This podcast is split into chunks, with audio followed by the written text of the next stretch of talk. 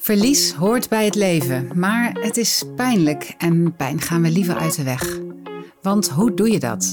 Leven met verlies en tegelijk een gelukkig mens zijn. Mijn naam is Jacomijn Kruisbrink en ik ga op zoek naar het andere gesprek over de dood, verlies en tegenslag. Luister naar verhalen waar verlies ook ruimte maakt voor een leven vol groei, zingeving en betekenis. Inspirerende verhalen die hoop geven. Dit is Shit is mest voor groei.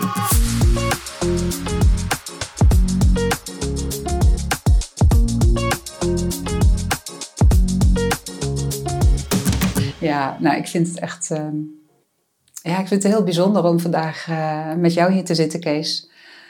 Um, en, uh, en het gesprek te voeren. Want um, ja, er is veel gebeurd in je leven en je bent nu even in Nederland. En en je had gereageerd op mijn, uh, mijn oproep om bijzondere verhalen te delen die uh, een relatie hebben met, uh, met verlies of rouw, ritueel. Dus welkom, Kees. Nou, dankjewel. Ja, ja. ja. Kan je wat meer, um, wat meer zo'n soort van even jezelf introduceren? Ja, um, ja, mijn naam is Kees, Kees Lambrechts, 56 jaar. Um,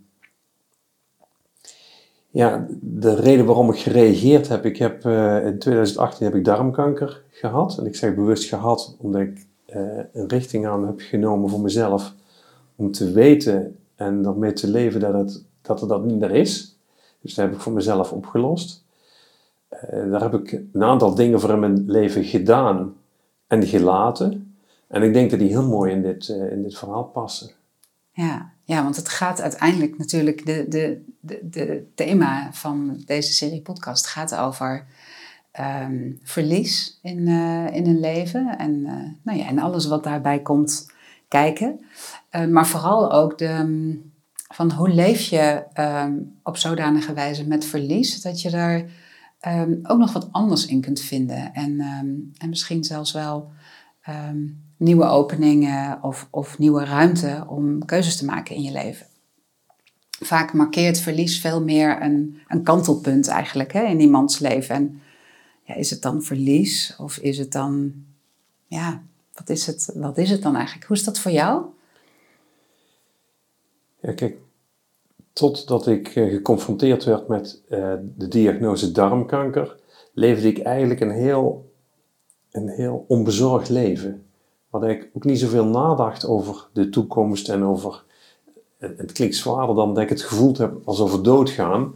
Maar goed, op een gegeven moment werd ik geconfronteerd met darmkanker en met. ik ben na gaan denken over doodgaan. En ik, ik, heb, ik heb een jaar ben ik in behandeling geweest, een aantal dingen gedaan. En dan, dan is de reguliere zorg buitengewoon behulpzaam in Nederland. Daarna wil, wilde ik dat het niet terugkwam. En dat daar uh, zorgt de reguliere zorg in Nederland is daar wat minder op gericht. Dus ik heb heel veel dingen zelf gedaan. En ehm, waar ik voorheen heel onbezorgd leefde en over heel veel dingen niet nadacht, ben ik nu wat bewuster aan het leven en een aantal dingen aan het doen en aan het laten. En dan denk ik bijvoorbeeld aan eetpatroon, rustpatroon, um, mensen waar ik wel of geen energie van krijg, kennissenkring. Dat zijn allemaal dingen die die in mijn leven echt wel veranderd zijn. Eetpatroon. Ik, ik, dacht nooit zo na over eten, over gezond eten of, of, of wat dan ook, hè, drinken. Ik eet nu gezonder en lekkerder dan ooit. Gewoon ook omdat het puurder is. Ik ben meer met het eten bezig. Ja, het is gewoon, het is gewoon allemaal ja, bewuster. En ja, ik geniet, ik, ik ben ook dankbaarder voor dingen die gebeuren en die er zijn. En dat, ja, het is, het is, het is, ja. Het is gewoon anders. Het is gewoon zo anders. En de, ja. Ja. ja, want ik kan me voorstellen, hè, wat je zegt, op het moment dat je uh, zo'n diagnose krijgt, dan ga je de medische molen in. Ja. Um, en dan moet er heel veel gebeuren. Vaak zie je ook dat mensen, zeker, zeker als ze met, met kanker geconfronteerd worden, dat ze dan een soort van gaan vechten om iets te verslaan. Um, ja. Herken, ja, ik zie je lachen, maar herken je dat ook Nou bij jezelf? ik- of ik- heb je dat anders nee, gedaan? ik heb dat echt anders gedaan. Ik, ik heb een lied geschreven voor mezelf. En dat op, eh, op gitaar begeleid. Bijvoorbeeld voor mijn ouders gezongen. En dat was voor mij helemaal niet... Voor mijn ouders was dat heel emotioneel. Maar voor mij was dat echt de waarheid die er was. En daar stond in... Toch zal ik dit gaan omarmen. En die tumor in mijn darmen, toch zal ik dit gaan omarmen. En het was iets voor mij en het, het mocht er ook zijn. Het was ook prima dat het er was. Alleen, ik wilde het wel onscha- onschadelijk maken. Twee weken voordat, wij, eh, voordat ik de diagnose heb gekregen, is bij ons een boom op het huis gevallen. En eh, de schoorsteen was kapot en een paar dakpannen. Dus nou ja, die boom die is afgezaagd, die is afgevoerd. En toen zat, zat daar zo'n stronk, zo heel schuin en heel woest in onze tuin. Mhm. En toen kreeg ik mijn diagnose en ik zat in... Ik, ik zat natuurlijk veel thuis vanaf dat moment en ik zat naar die stronk te kijken en ik keek recht mijn tumor in. Ik kreeg recht die tumor in. Dus dat was heel, heel raar. Heel rare eh, gewaarwording om dat op die manier te ervaren. Dus ik heb de eerste zaterdag heb ik een aantal vrienden uitgenodigd en die, die stronk afgezaagd, zo kort mogelijk. En met vijf mensen het stukje uit de tuin gelegd, dat ik hem niet meer zag.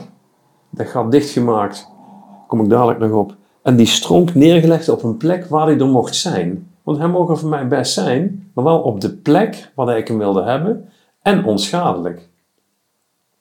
En op de plek waar die stronk zat, heb ik een, een perenboompje geplant. Dus ik ben, eh, ik ben een boompje uit gaan zoeken bij de plaatselijke tuinder. En eh, ik vroeg, ja, wat voor boompjes? Ja, nou, dat boompje, pruimen, dat, dat, dat, tien boompjes gezien. En ja, ja, eigenlijk was mijn boompje er niet bij. En op een gegeven moment was het een sterappel. Een sterappelboompje. En toen eh, zei ik, ja, sterappel, ja, dat daar, daar resoneerde wel iets. Up, het boompje bij ons de camper in. En toen zei, zei mijn vrouw, die was er ook bij, die zei van... Ja, ster, die wordt ook wel ooit gebruikt als mensen overlijden. Anders zie je ook vaak in de rouwadvertenties die sterretjes staan. Hup, het boompje weer die camper uit. Niet het goede boompje. was niet het goede boompje. En die mevrouw van die winkel, ja, die, die had het niet meer. Die Ik dacht, denk, daar heb je hem weer. Ik zei, zijn er nog andere boompjes? En zei, een beetje te grijnzen en te doen. Zei, nou, daarachter staan nog een paar boompjes. Volgens mij staat er zelfs nog een, een stoofperenboompje, maar dat is een stoofperenboompje, dat was hem. En vroeger, als kleine jongen, kon je mij niet blijer maken met het stoofperenboompje. Of met, met, met, ja. Met stoofperen. Dus toen ik, en ik heb dit verhaal natuurlijk ook tegen mijn moeder verteld. Nou, die vond dit zo'n mooi verhaal. En het stoofperenboompje kwam op de plek waar die tumor heeft gelegen. En eh, groeit en bloeit elke keer. En het eerste jaar kwamen er, eh, op de dag van de operatie, kwamen er vijf bloemen aan. En eh, op de dag dat mijn stoma wegging, eh, stonden er eh, vijf peertjes aan. En het jaar daarop stonden er, ja, ik denk dat ik de foto's nog van heb, ik zal ze dadelijk laten zien. Stonden er 50 peertjes aan of zo. De mensen die dit verhaal hebben gehoord ook zeiden van, wauw, hoe kan dat? En om, om het, om het stap te maken en wat doe je ermee in je leven? Dit jaar gaf het stofperenboompje eh, nul bloemetjes en nul peertjes. Dus was misschien ook wel een signaal van, hé, hey, eh, waar moet ik dan mee? En ehm, ik ga het stofperenboompje natuurlijk niet verplaatsen, maar ja, wij zijn dit jaar naar Noorwegen verhuisd voor een jaar. En misschien gaf het stofperenboompje wel het signaal aan mij, ja, wat denk je ervan? Het wordt tijd om eh, ergens anders eh, naar een ander uitzicht, naar een andere boom te gaan kijken. Ja, precies. Ja. Ja, want zo ervaar je dat echt. Zo Ja, ervaar ik dat echt, ja, ja. dat ja, ik. En die tumor, hè, die, die, die, die stronk, die heb ik kleiner gemaakt en op de plek ge- neergelegd waar dat die mocht liggen van mij. En toen die daar, ja, dit, ik praat over vier jaar geleden of zo, dus twee jaar geleden of zo, heb ik die tumor een keer in stukken gezaagd en gehakt en in de kachel is ook- je gegooid. zegt ook niet die stronk, je zegt ook die tumor. Dat is ook wel Ja, bijzonder. ja, ja, ja, nou ja, zo heb ik hem ook echt beleefd. En op een gegeven moment had hij daar ook lang genoeg gelegen. En ik denk, ja, nou is het mooi geweest. En nou, nou heb ik hem opgeruimd. En zo voelt het ook, dat voel ik in mijn lichaam. Dat voel ik ook gewoon ook echt in mijn buik, dit verhaal. En ja, die is er niet meer. Die, die, die heeft mij, die is in mijn leven gekomen. Mhm. Die heeft me wat gekost. Die heeft me nog veel meer gebracht.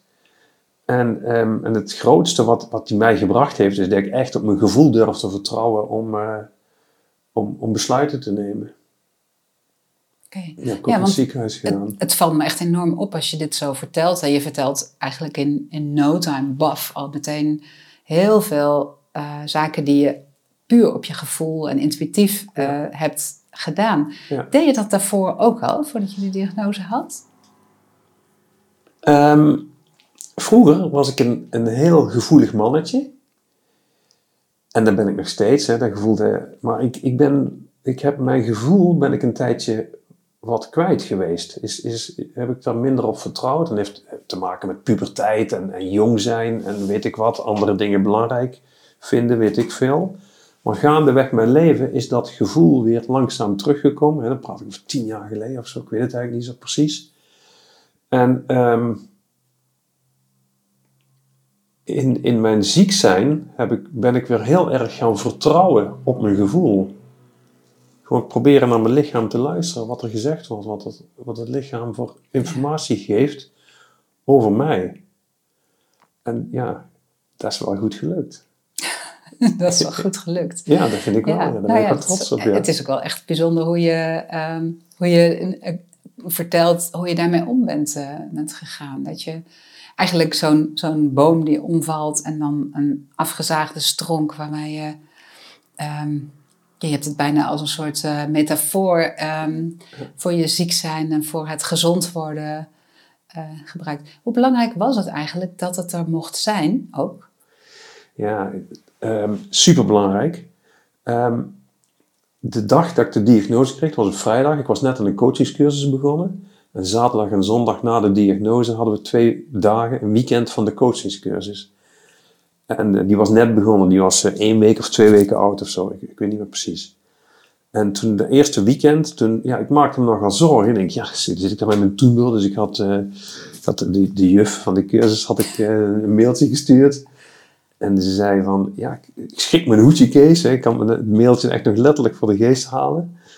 Ik schik mijn hoedje. eh, kijk maar wat je doet. Als je komt is het goed. Als je niet komt is het goed. Je kunt ook eerder komen en later gaan. het maakt niet uit. Maar misschien is er iets te halen voor jou. Dat was de laatste zin waar zij haar mailtje mee afsloot. Toen dacht ik, oh, maar ik ga. En wat ik daar gehaald heb is, we zaten daar met tien of twaalf mensen in de, in de cursus met de juf erbij. Dan zitten we in de kring. En zij zei elke keer, jongens, alles wat er is, mag er zijn.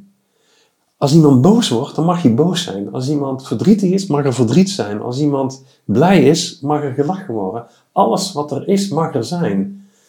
En dat heeft ze ook tegen mij gezegd voordat, ze, voordat, ik, voordat ik de cursus inging die dag. Van, eh, ik maakte me nogal zorgen dat ik veel aandacht kreeg. En ik, ik denk, ja, misschien kan ik er met mijn gedachten wel niet bij zijn. Kees, maak je geen zorgen. Alles wat er is, mag er zijn. En dat vond ik zo mooi. Dat vond ik echt zo mooi. En dat gebruik ik ook heel vaak naar anderen toe. Ik kom net van, eh, van een, van een oude, oude buurvrouw af, die, die ook eh, baarmoederkanker heeft. Dan heb ik dit ook tegen gezegd. Ja, je mag boos zijn. En je mag verdrietig zijn. Als het er is, laat het gewoon zijn.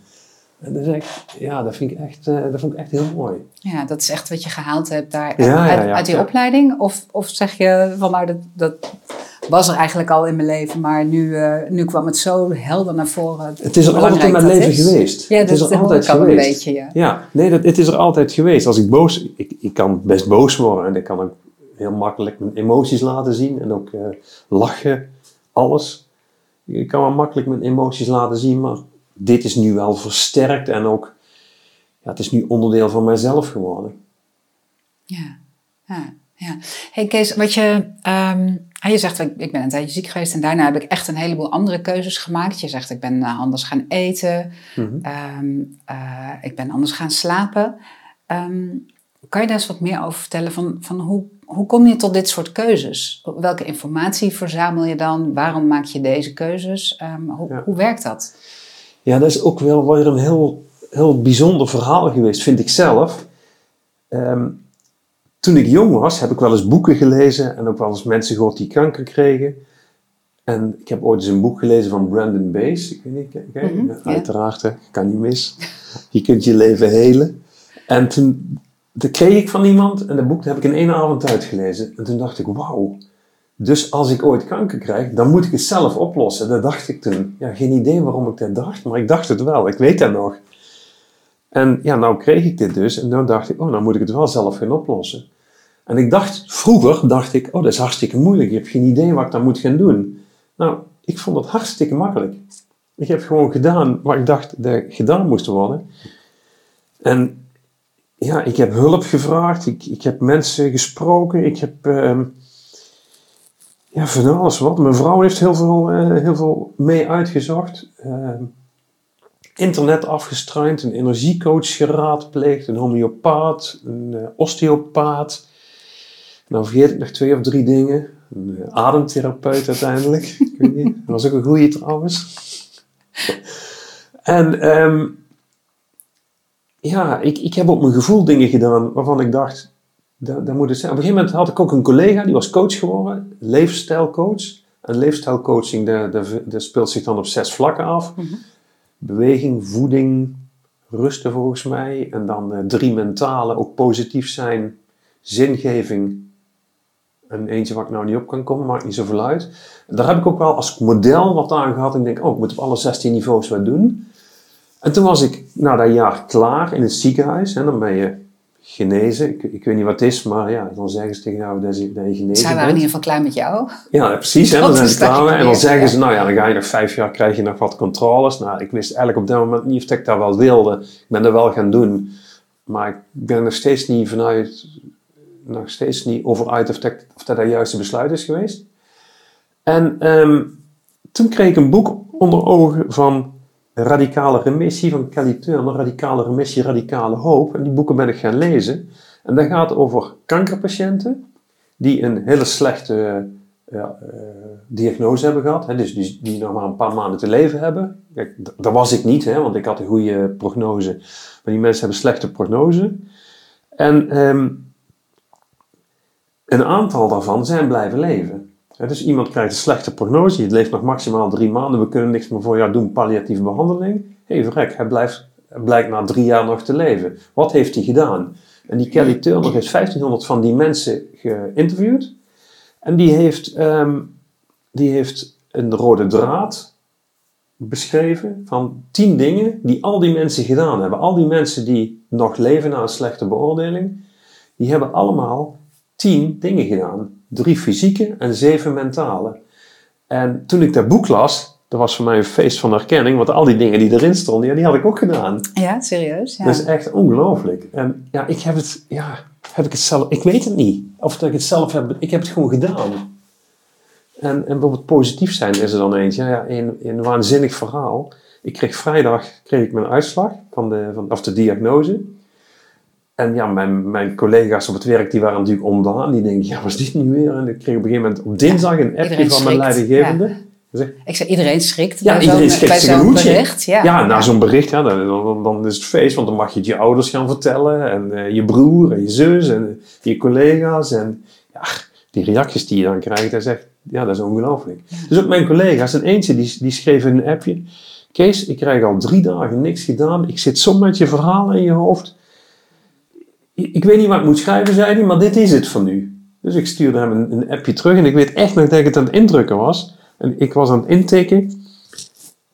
Um, ik ga dit wel oplossen. En toen was ik aan het lezen en toen denk ik, nou, dat staat er een beetje raar. Dus ik had ervan gemaakt en dat heb ik ook opgestuurd. Ik denk dat ik dit wel opgelost krijg. En dan stuurde ik hem en dan kreeg ik binnen twee minuten weer een reactie. That's a spirit, goed Kees. Nou, ik ga weer aan het werk, een beetje zo. Zo, zo gingen die discussies. Dat was op dinsdag, hè. Ik had nog geen bloedonderzoek gehad, ik had nog geen MRI-scan gehad, ik, had, ik wist niks. Ik wist niet of hij mijn hele lijf vol zat, maar toch schrijf ik hem dat mailtje. Ik denk dat ik dit wel opgelost krijg. Ja, dan vind ik, achteraf vind ik dat ook zo'n bijzonder moment. Van, en dat wist ik ook. Ik, ja, toen ik mijn liedje voor, voor mijn ouders was aan het zingen, ja, ze waren heel verdrietig en ze moesten heel hard huilen, maar bij mij kwam geen traantje tevoorschijn, want ik weet, dit is de waarheid. Zo gaat het zijn. Ja, wauw. Hoe, hoe, werkte dat in jou? Wat maakte dat je wist van ik ga een lied voor mezelf schrijven? Was het voor jezelf? Ja, het was voor mezelf. Ja, ja. Het eerste lied voor mezelf. Ik, ik schrijf, ik speel gitaar. En eh, als er feestjes zijn of als er gelegenheden zijn, dan vind ik het heel mooi om een lied te maken voor iemand met een persoonlijke tekst. En dan eh, sinds een jaar of tien speel ik gitaar en dan begeleid ik er zelf. En ja, daar krijg ik wel mooie reacties op. En toen dacht ik, nu is het tijd voor twee dingen. Een lied voor mezelf, dus dat heb ik gemaakt en, en geschreven. En daar staan uh, drie... Ja, het is jammer dat ik het niet bij heb. Godverdikkie zeg, het ligt nog in Noorwegen ook. Maar ik ga het jou een keer laten horen als je wil. Ja, graag. Ja. En, en ehm, Anders moet je maar een opname doen, dan uh, zetten we het erbij. Ja, dan weet ik niet of dat te ver gaat. Moet ik even over Nee, nee, nadenken. nee, nou, dat- kijk maar. Dat, dat, komt, dat, komt, dat komt goed. Dus drie, drie hoofdstukken. Het eentje is dat ik me kapot schrik en dat ik eh, niet, niet weet wat ik ben. En de tweede is... eh, ja, dat wordt wel een zware tijd. Ik moet wel eh, goed aan mezelf denken. Ik moet nu wel de goede dingen doen. En de derde is, het komt goed. En dat staat er ook. Casey redt het zeker wel. Dat is, het laatste, dat is de laatste zin. En dat was ook wel mijn stellige overtuiging. Of ja, nee, overtuiging is niet het juist- juiste woord. Ja, ik wist het gewoon. Het is een dieper weten. Het is Ja, een dieper weten. niet, ja. niet iets ja. met je hoofd, maar iets wat in je ja. systeem, in je, je gut feeling is. Ja, Eigenlijk. Ja, Daar waar het over zo is het. Ja, Ja. precies. Ja, dat is het. En ik heb nog een tweede ding gemaakt en dat is een tekening. En ehm dat, dat kwam letterlijk van de cursus af. Daar, daar hebben we geleerd om, om je... eh, je, kunt, je in je hoofd proberen heel op te gaan, bedenken. En ehm, daar hebben we geleerd dat, dat als je gewoon soms eens begint te tekenen of te schrijven of, of iets creatiefs doet, dat er dan andere dingen uitkomen. En op een gegeven moment ben ik, eh, ben ik in de auto gestapt, naar de boekenwinkel gegaan en een, tekenblok gehaald en 20 kleurpotloden. En ik ben bij mij achter in de tuin gaan zitten en ik heb het, het huis getekend. Eh, want onze tuin die representeerde de plek waar ik beter wilde worden. In, eh, in, in de woonplaats waar ik woon, in, in dat huis, op die plek, daar wil ik beter worden. Er staat ook het stoofperenboompje en de, en de stronk liggen, liggen daar ook om, allebei op. En dan ehm, een, een centrum van energie. Daar stond ik dan zelf in met onze hond en mijn vrouw. Met z'n drieën in het centrum van energie de zon. Met twaalf puntjes eromheen. Twaalf hulpjes die mij helpen. En dan stond er een, eh, een, eh, een landkaartje ingetekend van de Lofoten. Want dat was mijn eerste stipje op de horizon. Niet te ver vooruit, een jaar vooruit. Eh, als, ik, als ik beter ben, gaan wij eh, drie maanden naar de Lofoten met z'n drieën om ja, het einde van een tijdperkje aan te geven. En die tekening hing bij ons in de, in de huiskamer. En iedereen vroeg naar die tekening. En tegen iedereen eh, vertelde ik dit verhaal. En iedereen ging mooi mee in mijn proces. En mijn leidinggevende kwam op bezoek en ik vertelde ook dit verhaal. En toen zei ik tegen hem, ja het, zei, ja, het is een beetje een rare manier om misschien te horen dat een van je medewerkers op sabbatical gaat. maar het gaat wel gebeuren. Kees zei hij, dat komt goed. dat komt goed. Ja. En het Je- is gebeurd. ja. Dus je zijn er drie maanden naar de Lofoten gegaan. Ja, vier is dat Oh, vier. Nou ja, 100 oké. dagen. 100 dagen, ja. Ja. En eh, ja, ook, ook door dat zo neer te zetten van waar ik beter wilde worden. Ehm, hoe, hè? Dus, dus ikzelf in het, in het centrum van dat zonnetje met die twaalf hulpjes eromheen. Mhm.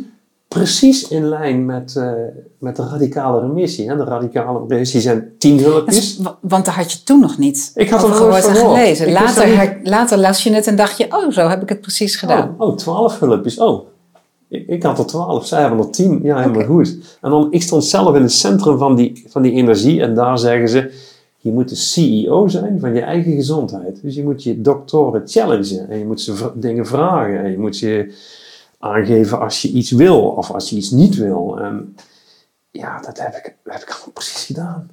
Dus ja, ongelooflijk. Maar ja, ik sta als ik nu het verhaal vertel, dan denk ik van, oh, dat is eigenlijk ook een mooi verhaal geweest. En ja, het past, het past ook allemaal precies. Ja. Ja, oh, bijzonder. Ja, want je, je zei net drie fysieke dingen die je deed en Ja. zeven ehm, Mentale. mentale dingen. Kan je daar nog wat meer over delen? Waarvan je echt zegt, nou, dat is voor mij echt een kantelpunt geweest of een... Ehm, ja, ik denk dat ehm, slaap en rust. Kijk, de darmen is het centrum van je, van je immuunsysteem. Hè? Die, en die tien onderdelen van de radicale remissie, die pretenderen niet dat, dat, dat kanker verholpen wordt, maar die pretenderen wel dat je immuunsysteem maximaal versterkt wordt. En eh, een van de belangrijke punten daarin is, ja, eigenlijk zijn ze alle tien even belangrijk, maar eentje de ene triggert bij jou iets, hè, die, die, die triggert net iets andere dingen dan andere, denk ik. En, en slaap is wel heel erg belangrijk. Ik ben toen ook bij een homeopaat geweest en die slaap je goed. Ik zei, ja, slaap. Kernkwaliteit, zei ik altijd, zeg ik nog. En ja, toch slaap je niet diep genoeg, zei hij. Ik zeg, oh, ik ga jou een, eh, een homeopathisch middel geven dat je ook dieper gaat slapen. En dan kom je over drie maanden maar eens terug en dan ben ik benieuwd uh, hoe, hoe, dat gegaan is. En je gaat er ook bij dromen, zei hij. Nou ja, dat klopt precies. Elke nacht ging ik dromen en ik sliep zoveel dieper. En ook het ritme wat, wat, wat, wat ik nu aanhoud in mijn leven. Wij eten vroeg, hè, half, twaalf, half zes, zes uur eten. Kopje koffie, chocolaatje erbij. En dan de hele avond niks meer. Half elf naar bed. En de volgende ochtend opstaan en dan weer ontbijten. Dus dat betekent dat mijn darmen elke dag 12 uur rust krijgen. Mhm. Nou ja, dat, dat rust en dat slaapritme, ja, dat doet me echt ontzettend goed. Ja, en slaap is enorm belangrijk, hè? Dat, is verschrikkelijk. Uh, ja. Slaap en ademhaling is natuurlijk ook eentje. Hè? Dus uh, misschien let jij nou heel erg op mijn ademhaling, daar ben ik dan ook heel benieuwd naar het is niet optimaal, maar, maar ik adem wel echt dieper dan dat ik gedaan heb. Ik, ik had echt een hele oppervlakkige ademhaling en het is wel echt dieper aan het worden. S'avonds vaak meditaties luisteren, gewoon even tot rust komen voordat je gaat slapen. Ja, ik, ja. Op sabbatical ook bijna elke avond een, uh, een meditatie geluisterd. En dan, dan ook de kracht van de natuur aanspreken. Ja, het is misschien allemaal net wat te zweverig, maar... Nou ja, dat, ik weet het niet. Weet je, ik denk ook dat we, dat we met z'n allen ook wel heel erg van een gezonde, basale en misschien wel menselijke manier van leven zijn, zijn afgeraakt. En ja, um, ja wat jij zegt over ademhaling, dat, dat is natuurlijk... Ja, daar, daar heb ik inmiddels uh, heel veel ervaring in en in geleerd. Maar de trigger van steeds maar weer uh, bovenmatig geactiveerd zijn door, door een hoge ademhaling of door alle stressprikkels, waardoor je ademhaling mee gaat doen in dat wat jou, jouw lichaam aan prikkelverwerking heeft. Ja, ja dat, die wisselwerking tussen, uh, tussen beide is zo belangrijk. En rust, slaap. Je kunt niet goed slapen als je als je maar aan blijft staan. Ja, nee, dat klopt. Dus je kunt misschien wel slapen, maar de diepe slaap, de werkelijke rustende slaap, dat is. Dat is ja, de herstelslaap, ja. hè? Ja, nee, dat is ook zo, ja. ja. Dus, dus dat is er zeker eentje die bij mij echt wel eruit heeft gesprongen. En de, de allereerste van de radicale remissie is eigenlijk: uh, uh, wat is je werkelijke reden om te leven? zingeving uh, in de. En ja, dat is een hele moeilijke vraag. Hè, voor ja. Dus uh, ik, ik heb de afgelopen maanden, uh, ik, ben die, ik ben die cursus radicale remissie gaan doen. Ik ben nu inmiddels ook uh, gecertificeerd workshop lead en één op één coach voor radicale remissie. Dus moet, dan moet ik ook nog eens kijken of, wat ik daarmee ga doen. En um, ik heb ook nagedacht over wat wil ik nu echt in mijn leven gaan doen. En ik vind het leven af en toe best lastig. En dan, als je dan op dat moment ook nog geconfronteerd met een kankerdiagnose, ja, dan, dan wordt het wel. Ja, ik, ik, heb veel mensen gesproken die dan de uitgang even niet meer zien. En als je dan een klein beetje kunt begeleiden in een proces dat mensen ja, weer, weer, weer wat weer licht zien, wat meer hoop hebben, wat meer het gevoel hebben dat ze dingen zelf in de hand hebben en daar ook, ook weer wat mee kunnen gaan doen, ja, daar zou ik wel echt heel fijn vinden. Dus, dus, dus wat is je echte reden voor, voor, voor te leven? En dan even terugkomend op, op die liedjes schrijven. De Troubadour is altijd mijn, mijn favoriete liedje geweest, Lenny Koer. Uh, blijkbaar heeft er ook eens meer achter gezeten wat ik zelf ook niet, uh, niet geweten heb. Maar ja, ik vind het wel heel leuk om dat te doen en te blijven doen. En ja, daar zie ik ook wel, daar wil ik ook, ja, dat vind ik gewoon zo mooi om dat te blijven doen. Mijn broer was dit jaar 50 geworden en die, uh, die vierde een feestje bij hem thuis. En meestal neem ik dan de gitaar mee en dan zing ik mijn liedje. Ja, het was een groot feestje en ik had eigenlijk helemaal geen zin om daar aan een groot gezelschap een, een, lied te gaan zingen. Dus ik had mijn gitaar niet bij en ik had ook geen lied gemaakt. En toen zat ik daar en denk ik, shit, dat heb ik echt niet goed gedaan. Nee, hoe kan dat nou? Hoe kan ik het nou hebben laten lopen dit? Hier hoort een lied. Hier hoort een lied. Dus, maar goed, ik had geen lied. Dus ik, ehm, maar goed, mijn ouders waren dan na 58 jaar getrouwd, en ergens in september, dus een half jaar na zijn verjaardag. Dus ik, nou, ik ga een liedje schrijven. Dus ik had mijn gitaar meegenomen en een lied geschreven voor hem en uh, traantjes over de wangen. Dan Mm. denk ik van, ah, dat vind ik dan zo verschrikkelijk mooi. Ja. Ja. Onverwacht is het dan, hè? ja. Want ja, als iemand 50 wordt, dan weet Dan verwacht je wel een liedje. Hey, ja. wat is die gitaar, Kees? Eh, is er iets misgegaan? En ja.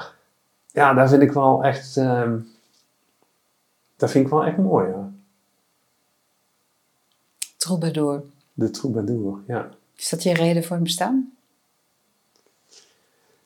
Ehm,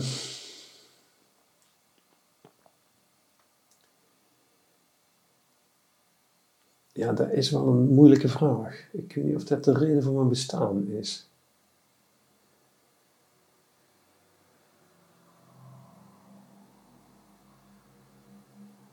Die ene kant van die, van die begeleiding van die mensen, zeker. Hè, daar heb ik mijn werk ook de afgelopen twee jaar zoveel aan gedaan en zoveel zoveel voldoening uit gehaald. Ja, misschien is dat wel dat ik daar onbewust zoveel voldoening van heb, dat het toch wel een reden van bestaan is op een of andere manier. Ik vind het wel een moeilijke vraag, maar er zit wel Dat iets. volgens mij een van de alle... Ik denk dat dat de allermoeilijkste vraag is. Ja, ja, Wat is, waarom ben ik op aarde? Waarom doe ik wat ik doe? ja. Waarom doe ik niet iets Maar goed, daar ben ik wel achter gekomen, zeg maar. Maar kijk, of, ja, of dat met de gitaar rondlopen en liedjes zingen, of dat mijn daardoor, daardoor ben ik op aarde, of dat en dat is, dat weet ik eigenlijk niet zo goed. Nee. Vind, ik vind het wel een eh, mooie metafoor. Als je het vanuit metaforen en rituelen kijkt. Het is, ehm, je markeert een bepaald, eh, een bepaald moment, een bepaalde fase. Ehm, daar doe je getuigenis van, vanuit jouw visie. Mhm. Dus jouw broer wordt 50, eh, je bezinkt ehm, jouw visie op zijn leven eigenlijk. En daarmee, Ja. daarmee, daarmee geef, je, ehm, geef je ook een soort van bestaansrecht, dat is misschien een te groot woord, maar je, ehm, je, je doet melding van: dit is wat ik gezien heb van jou.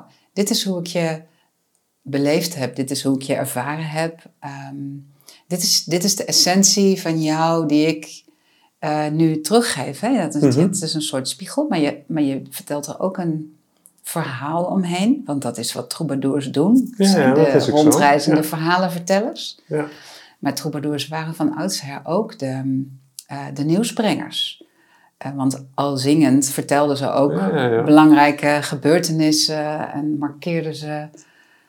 Dus, nou ja, goed, ik, misschien maak ik er zelf een heel... heel eh, Nee, nou, je triggert bij van. mij wel iets. Wel, je, ik, ik heb de sportmonoloog, ik weet niet of, of dat je die, eh, die, die serie kent van Nee. eh, Studio Sport. Nou, een bekende sportman, die, die vertelt dan een kwartier over zijn leven, over zijn sportleven. Dat is een hele mooie van een hockeyer. En die, eh, die vertelt er iets over zijn sportleven, maar er zit ook een stukje, een stukje mentale ontwikkeling van, van die persoon bij. En toen ik in het ziekenhuis lag, heb ik een stuk of twintig van die dingen zitten kijken. En ah, ik, werd daarvoor, ik, ik raakte daardoor gefascineerd. En uiteindelijk heb ik zelf een sportmonoloog voor mezelf geschreven. En ehm, voor 60 of 70 bekenden van mij in een zaaltje opgevoerd. Dus dat was de sportmonoloog voor mij. Serieus? Ja. Wauw. Met mijn lied hè, natuurlijk. En dan nog twee andere lieden. Ik had nog, twee, ik had nog een tweede lied geschreven. En nog een, een slotlied. Alleen dat slotlied, daar, daar gaat het om. De troubadour was altijd mijn liedje. En ik voelde me ook de troubadour. En alleen de troubadour, ja, ik ben niet geen supergoeie gitaarspeler.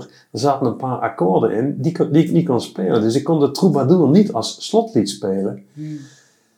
En een, een half jaar na mijn eh, sportmonoloog heb ik een andere versie van de troubadour gevonden met de juiste akkoorden, dus ik kon het wel spelen. Maar eigenlijk had ik daar willen eindigen met, eh, nou komt het, het moeilijkste stukje van mijn leven. Kijk, eh, er zaten 60 mensen in de zaal, vader, moeder, eh, schoonmoeders, eh, broer, zus, van alles nog wat, collega's, mensen van de coachingscursus, van het hardloopclubje. Al mijn, mijn liefste contacten, zeg maar. En ik, ik had daar willen vragen, ga eens allemaal staan. En eh degenen die nooit een liedje van mij gehoord hebben, die wil ik vragen om te gaan zitten. En dan was er van die zaal van 70 mensen, waren er misschien drie of vijf gaan zitten. En dan zou ik gezegd hebben, En voor jullie ben ik al die jaren die troubadour geweest. En die wil ik blijven. En dan zou ik het liedje De Troubadour gezongen hebben.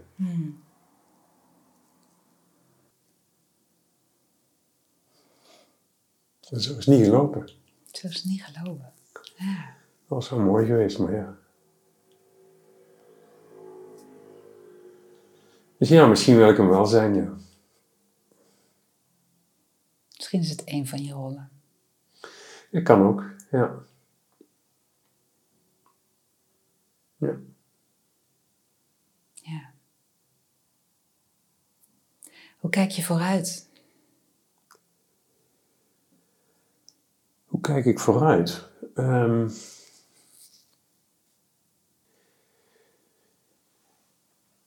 ik kijk vooruit naar. ehm, de, de, de wereld is heel lastig geworden sinds, sinds COVID, sinds eh, de inval in Oekraïne, energieprijzen, toeslagenaffaires, gas in Groningen, weet ik het allemaal. Dan is, de dan is de, de, het leven in deze wereld niet altijd even makkelijk. Ehm, ik kijk met heel veel vertrouwen eh, naar de toekomst, zonder me, druk, zonder me druk te maken over de dingen die nu spelen. Want ik denk dat onze wereld heel erg op dit moment door, door angst geregeerd wordt in plaats van door vertrouwen. En ik wil heel graag vertrouwen hebben in de dingen die gebeuren en in de toekomst en de, de rol die ik daarin speel. Dus ik wil, ik wil gewoon een hele positieve rol voor mezelf spelen. En, en ik weet niet alles. Ik kan geen maand vooruit kijken, ik kan geen jaar vooruit kijken, ik kan geen vijf jaar vooruit kijken. Dat hoef ik niet. En ehm, wat ik wil is dicht bij de natuur zijn en een liefdevol leven leiden. En ja, dat, eigenlijk is het dat. En wat er dan gebeurt, ja, dat mag er gebeuren. Ja, want jullie hebben het afgelopen jaar al wel een, een rigoureuze keuze gemaakt. Ja. Ja, wij zijn een jaartje naar Noorwegen getrokken. Dus we hebben gekeken of we een jaar in het buitenland konden, konden gaan wonen in, Noorwegen. Dichter bij de natuur. De natuur die, eh, die representeert voor mij de, de kracht eh, van het leven. En wij, wij- als mensen proberen de natuur te, te reguleren en van alles te bedenken. Nou, dat is allemaal prima. Alleen, ja, ik denk dat dat misschien wel eens niet gaat lukken. En dat voor mij is dat prima. De natuur gaat ook altijd sterker zijn. Ook dat is prima. En ehm, om nu zo dicht bij de natuur te leven, ja, dat is wel heel erg fijn. En het mooie van, van Noorwegen ook, hè, Noorwegen is niet beter of slechter dan Nederland, het is gewoon anders. Wat je daar ziet is, hè, ik ben nu toevallig net twee weken terug in Nederland, het is nu begin december, maar we hebben daar al een weekje of vier, vijf winter, half metertje sneeuw, eh, min 15 toen we weggingen. En de mensen worden daar gedwongen om in het ritme van de natuur te leven. Als je daar een afspraak hebt en het is zo slecht weer en je kunt niet komen, ja, dan snapt iedereen dat. En ja, daar, daar, daar is de natuur nog zo overweldigend aanwezig en dat vind ik wel mooi. Dat vind ik wel mooi. En er is ook iets, iets meer ruimte dan in Nederland. Ja, ik vind die ruimte dan toch wel fijn, merk ik. Dus, eh, Ja, bijzondere ervaring lijkt me zo. ja, dat is super bijzonder. Ja, super bijzonder. Ik ben dan bij een koor gegaan. Ik heb een mailtje gestuurd naar het kamerkoor van Lillehammer of dat ik lid kon worden. Ja, ja, dan, ja, ja, moest ik maar een keer voorkomen zingen. Dus ik dan naartoe met mijn auto ook. Ja, nou, even voorzingen. Nou ja, tenor komt er dan uit. Ja, dat wist ik natuurlijk al. Nou ja, en dan ga ik naar de eerste repetitie. En dan is de, de voertaal is dan natuurlijk Noors. Hè, dat zou jou niet verbazen. Dus daar versta ik niks van. Dus dan gaan we een liedje zingen. Dan moet ik bij mijn muur even kijken van welk Oh ja, dit liedje moet ik even zoeken. En dan, ja, dan heb ik hem. Ja, dan is het beginnen. Dan begin, dan het prima. En dan gaan we met het koor zingen. En dan zingen we vijf regels of tien of twintig. Totdat het ergens niet goed gaat. En dan zegt hij stop. Nou, dat kan ik dan ook nog volgen. En dan krijgen we een Noorse feedback. Waar ik niks van snap. En dan zegt hij... We gaan weer verder bij maat nummer zoveel. Alle samen. Ja! En dat gaat te snel voor mij. Dus dan begint iedereen te zingen. En dan zit ik te denken, shit, waar zijn we, waar zijn we, zijn we? En dan ga ik Ja. weer meezingen als ik het weer gevonden heb. Ja. Dus ja, dat is ook wel ontzettend grappig. Ja, wel moeilijk, maar eh, ik vind het leuk om van die Noorse cultuur iets mee te krijgen. En mijn maatje naast mij, een heel aardige man, eh, gepensioneerd. En die eh, zei, volgende week Kees ben ik aan. Ik zeg, oké, nee. Nee, ik ga naar mijn dochter toe. Oké, waar woont je dochter? Senja. Ik zeg, oh, dat zal ik wel eens opzoeken. Ik zeg, is te ver weg? Ja, zei hij, dus eh, een uur vliegen. Dus hij ging met het vliegtuig naar zijn dochter naar Senja, naar het noorden van Noorwegen. En eh, ja, dan bleef hij daar een week en dan kwam hij weer terug. En halverwege de week kreeg ik een mooie foto van Senja, dat je in het wandelen was daar in de bergen. Ah, dat vind ik dan wel mooi. En dan krijg ik ook iets van die Noorse cultuur mee en, en hoe dat dan allemaal gaat. Ja, dat vind ik wel, dat vind ik wel waardevol, ja. Mooi. En Ja. ook dat hij dat op die manier met mij deelt. Dan, ja. Ja, dat vind ik dan mooi. ja. En uiteindelijk kom je er weer een keer terug. Ja, wij gaan eh 1 oktober, eh, we hebben het huis tot 1 september gehuurd. We hebben ons eigen huis onderverhuurd tot 1 oktober. Dus we pakken nog een maandje vakantie en dan zijn we 2 oktober ga ik weer naar mijn werkgever in Nederland. Ja, en zo, en zo gaat het. En zo gaat het. zo ja. gaat het, ja. En misschien gaat het anders, ja, dat, dat zien we dan wel. Ja, de- Ja. Dus, eh, Ja. Maar in principe, dit zijn de afspraken. Dus eh, ja, dit zijn dus de paaltjes Ja. die nu in de grond staan. ja. hey, en ehm, eh, je zei al, positief denken, positief in het leven staan is belangrijk. Ehm, dat is best wel een beetje een soort van hype geworden om eh, niet alles er te laten zijn wat er is, maar vooral alleen, ehm, nou, alleen de mooie dingen die, die makkelijk en hoopvol zijn eh, eh, te laten zijn. En zeg maar, nou ja, de stronk ehm, eh, niet meer te hoeven zien. Mhm.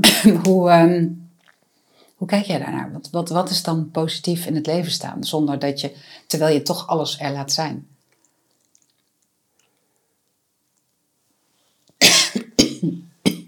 Ja, ehm, ja hoe, hoe sta ik... Ja, ik weet eigenlijk niet hoe ik positief in het leven sta. Dat vind ik eigenlijk best een lastige vraag. Ja. Ik, ik probeer ehm, de zonnige kant van dingen te zien. Ik weet niet of dit helemaal het antwoord is waar jij naar op zoek bent, maar... ehm, kijk, door iets, iets negatiefs echt te laten zijn, dat is niet bij mij per se negatief. Iemand die boos wordt, dat is voor mij ook niet negatief. Maar iemand die ja, negatief zit meer in houding van ja, het zal wel weer dit of het zal wel weer niet lukken of zo. En eh, daar zit het hem voor mij veel meer in. Hoop. Hè, radicale remissie gaat dan ook over valse hoop. Ja, maar we moeten mensen geen valse hoop geven, zegt, zegt iemand dan wel eens ooit. En dan vraag ik wel eens, maar valse hoop, wat is dat eigenlijk? Ik zou het eigenlijk niet weten wat het is. Hoop is het mooiste van het leven. Ook al ben je dood en doodziek en je hoopt dat je morgen weer beter bent, ja, dan is dat dat sprankje hoop wat jouw leven op dat moment misschien weer mooi maakt. Ja, en als je dan over twee dagen daarna dood bent, dan kunnen ze- mensen zeggen, ja zie je wel, ja, dat had ik niet moeten doen. Maar hij heeft wel een momentje dat sprankje hoop gekregen, waar dat hij misschien nog een klein beetje kracht uit heeft geput. En dat vind ik dan belangrijker dan... eh, ja, en, en dood, ja. We hebben dood gewoon veel te belangrijk gemaakt. Vind ik, hè? Dat vind ik echt. En dat is wel een mooie. We hebben doodgaan veel te belangrijk gemaakt. Ja. Dan, dan gaat er iemand dood en dan is er een begrafenis in de kerk. En dan vragen mensen, ja, hoe druk was het? Ja, de kerk was vol en er zaten ook nog wel mensen in de zaal om film te kijken. Jongen, jongen, ja. En? Maar maakt mij niet uit. Ja. En ehm, hoe zit het met het leven? Hebben we dat ook eh, belangrijk gemaakt? Dat is precies een mooie vraag. Eh, ja, dat vind ik dus wel. Ik, ik, heb laatst, ik, ben ook mentor geworden bij kanker.nl. En dan was ik met iemand op een neer aan het chatten. Het was ook een beetje zo- een soortgelijke discussie. En toen zei ik, eh, gaf ik ook de reactie van, ja, we hebben misschien de dood te belangrijk gemaakt. En toen zei ze, we hebben misschien het leven ook wel te belangrijk gemaakt. En ons leven in, in deze wereld is soms een beetje een, ehm, een beperkte afspiegeling van de werkelijkheid-. Als je Facebook kijkt of eh, Instagram of zo, er worden natuurlijk een hele mooie dingen gedeeld, wat hartstikke goed is. Maar soms is er voor de dingen die, die ook plaatsvinden, ja, wat minder, een, een minder goede plek om het op een goede manier te bespreken. En dat vind ik wel. Uh, daar zouden we met z'n allen wel iets beter in kunnen worden. Denk ik, ja. Ja, ja dat is. En ehm, kan jij daar iets in betekenen voor anderen? Dat denk ik wel. Dat denk ik wel. dat zegt hij stralend. ja, nee, dat denk ik wel. Ja. Ja, ja. ja weet je wat, met, met dit soort dingen. Ik zal één simpel voorbeeldje geven. Ik heb een collega gehad. En daar heb ik jaren geleden eens een keer mee gepraat. Die kwam ik uh, een jaar geleden, of, of uh, kort geleden, kwam ik die tegen. En toen zei ze, weet je nog dat wij het een keer hebben gehad over WhatsApp? Ik zei, nou, ik heb geen flauw idee.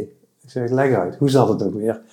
En toen zei zij, uh, jij hebt mij eens een keer verteld, Kees, hadden we het over WhatsAppen, waarom dat ik op een WhatsAppje meteen moest reageren.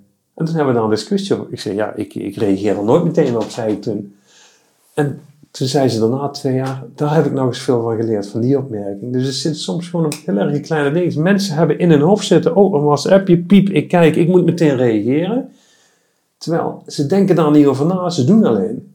En zij, ik heb haar wakker gemaakt, of ik, ik, ik heb iets in haar hersenen getriggerd. En, en, nu doet ze dat niet meer en daar is ze heel gelukkig van geworden. En ik denk dat, dit, dat iedereen in zijn leven een aantal van die kleine dingetjes heeft, waar je niet bewust over nadenkt, maar waar je wel autonoom aan het stuur kunt gaan zitten.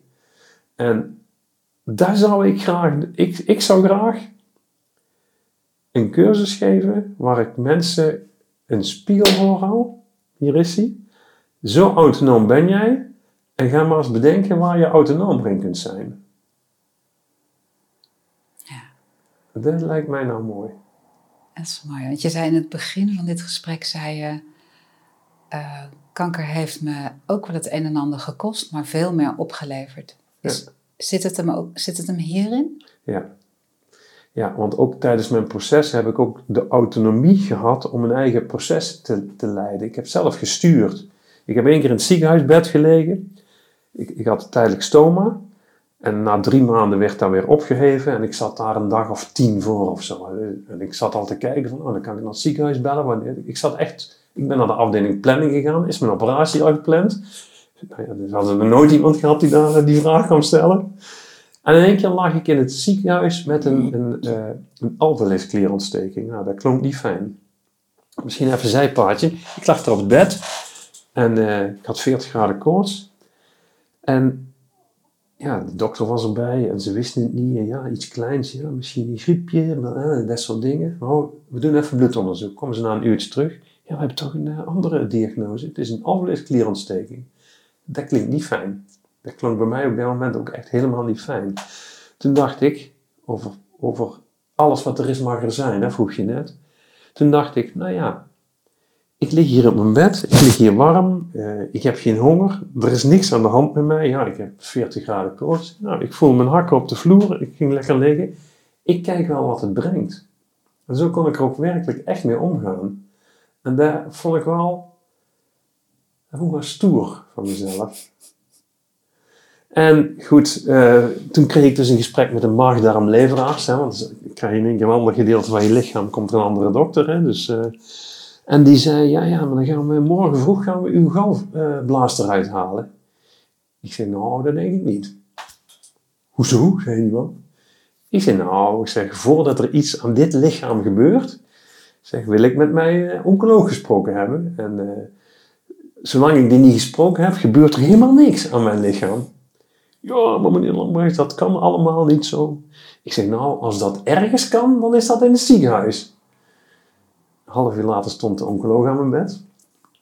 En toen, uh, toen die kwam met de verpleegkundige mee van de afdeling en die zei, uh, ik zei, was ik nou heel onredelijk net of zo? Want uh, er stonden vier dokters op mijn bed met een verpleegkundige. Ik zei, was ik nou heel onredelijk? Ik vond dat u wel gelijk heeft, meneer Lambrecht. ik snap het wel. Dus ik zeg tegen die oncoloog, zeg, nou dit en dit is het geval. Uh, ja, ik zal even kijken. Dus die pakt dan de papieren erbij en die gaat dan kijken hoe dat in de, de vork in de steel zit. Zeg, uh, hoe is het eigenlijk met de planning van mijn, uh, van mijn stoma? Wanneer? Oh ja, ik zal even kijken. Ja, oh, volgende week dinsdag staat hij op de planning. Ik zeg, dan maar niet met 40 graden koorts natuurlijk. Nee, dat moest nee, even Dat snapte ik ook wel. Dat snapte ik. Dus ik zeg tegen hem, ik zeg, dan gaan wij samen, gaan wij proberen om dat door te laten gaan. Ik zeg, uh, wat vind je daarvan? Dat gaan wij doen, zei hij. En natuurlijk niet met 40 graden koorts, dat kan niet. Maar binnen die 10 dagen was mijn koorts weg. En die, die dinsdag is mijn operatie voor stoma doorgegaan. En geen galblaasoperatie. Ja, dus dat is jouw vorm van zelf nadenken, autonomie, voelen, opkomen voor jezelf. Ik wist gewoon, die, die galblaas die hoeft er helemaal nog niet uit. Dat wist ik gewoon. Ja. Iets anders eerst. Ja, en ja, dat stoma, dat, is altijd een dingetje geweest voor mij ook wel. Dus uh, ik, ja, ik had een tijdelijk stoma, dat wist ik. Ja, als, als het een, een, definitief stoma zou zijn geworden, dan weet ik ook allemaal niet hoe dit was gelopen. Maar er was een kant die ik niet op wilde toen, zeg maar. Dan krijgen we een ander verhaal, dus dan laten we hem een beetje aan de zijkant liggen. Dat is niet zo interessant om over te praten nu, denk ik. Maar ja, dat, is wel echt, uh, dat was wel echt een dingetje, ja. ja. Die dag dat stoma eruit kwam, die, dat was ook een... Ja, die dokter die mij toen geopereerd heeft, dat was ook een geweldig mens. En die werkt nu in het ziekenhuis in, uh, in, uh, in Utrecht. En die was toen oncoloog in, uh, in, het ziekenhuis in Arnhem. En op een gegeven moment ging zij weg. Omdat zij kinderarts wilde worden of zo in het ziekenhuis in, in Utrecht. En op de allerlaatste dag belde ze mij. En zei ze, ja, dit is mijn laatste dag hier en ik wilde toch even afscheid nemen van jou. Want ja, ik vond de gesprekken altijd zo leuk en daar had ik ook echt ja, daar had ik ook echt contact mee op een of andere manier. En ik, ging daar, ik had haar nooit gezien. Ik werd, mijn eerste operatie was door een andere chirurg gedaan. En ik ging de operatietafel op en dan, ah goed, ze stelde zich voor. En dat was gewoon goed. Dat was gewoon goed. En zij ging mijn, uh, ja, mijn leven teruggeven, zeg maar. Hè. Zo voelde ik dat toen. Hmm. Mooi, ja. Wat mij enorm raakt in je verhaal is gewoon hoe je ehm, steeds maar weer op je eigen gevoel durft te vertrouwen en, en op het eigen weten. En hoe je hoofd zich daar misschien af en toe wel mee bemoeid heeft of willen bemoeien, maar hoe je toch een hele andere koers hebt gevaren en je informatie uh, bij jezelf hebt gevonden. En uh, ja, indrukwekkend. Ja. Dankjewel. Ja. ja ik ben zo benieuwd om, uh, om te horen later um, hoe je hier uh, je weg mee verder vervolgt en hoe je andere mensen hier uh, ook mee verder gaat helpen. Ja.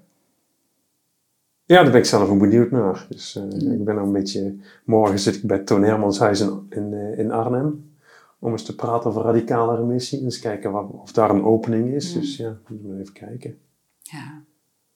Super. Ja. ja. We gaan meer van je horen, Kees. Ja, dat zou mooi zijn, hè? Dat zou mooi zijn. Ja, wie weet. Ja, nou, ik uh, weet het. Ik denk het wel. Ja? Ja, ja, ja. Dankjewel voor je verhaal. Ja, nou, heel graag gedaan. Leuk om het weer een keer van begin tot eind te vertellen, merk ik. Dus dat was alweer een tijdje geleden. Maar, ja. Ja. ja.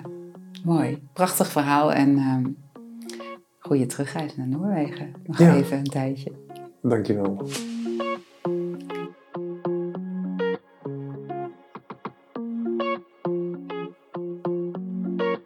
Geweldig dat je weer luisterde naar Shit is Mest voor Groei. Misschien heb je zelf met verlies te maken gehad en ben je op zoek naar verhalen die inspireren en vertrouwen geven. Dan hoop ik dat deze aflevering je weer nieuwe inzichten heeft gegeven. Geef dan 5 sterren en abonneer je direct, want dan mis je geen enkele nieuwe aflevering meer. En ken je anderen die dit ook wel kunnen gebruiken? Ik vind het heel fijn als je de podcast deelt en me helpt in mijn wens om de gesprekken over dood, verlies en tegenslag doodnormaal te maken. Ook het geven van een review via je podcast-app helpt daarin. Op die manier kan ik nog meer mensen bereiken.